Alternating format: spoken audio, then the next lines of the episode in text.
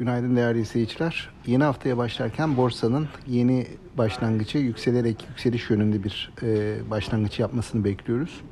Geçtiğimiz haftanın genel bir seyrine baktığımızda bizim tarafta kısa süren hafta boyunca özellikle daha önce bir miktar yukarı alıma sahne olmuş hisselerde ki bunlar arasında havacılık hisseleri, e, altın madenciliği hisseleri e, ve kısmen perakende ticaret ve perakende gıda hisseleri ön plana çıkıyor.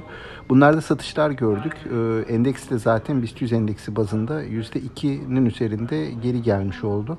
Haftanın nispeten dirençli e, görülen sektörleri arasındaysa bankalar, enerji şirketleri ve bilişim şirketleri dikkat çekti.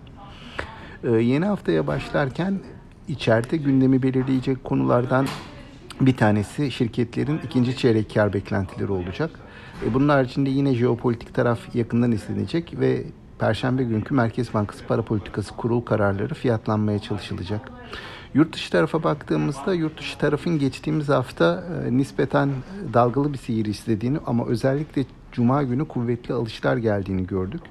Yurt dışında Cuma günkü gördüğümüz alışlarda ABD tarafındaki özellikle alışlarda e, banka karları ve ABD enflasyonuna ilişkin beklentilerin zirve yaptıktan sonra bir miktar hafiflemesi etkili oldu. E, Cuma günü biliyorsunuz e, borsa kapalıydı. E, bu bizim kapalı olduğumuz dönem boyunca yurt dışı piyasalarda az önce belirttiğim gibi yukarı yönde eğilim yaptılar.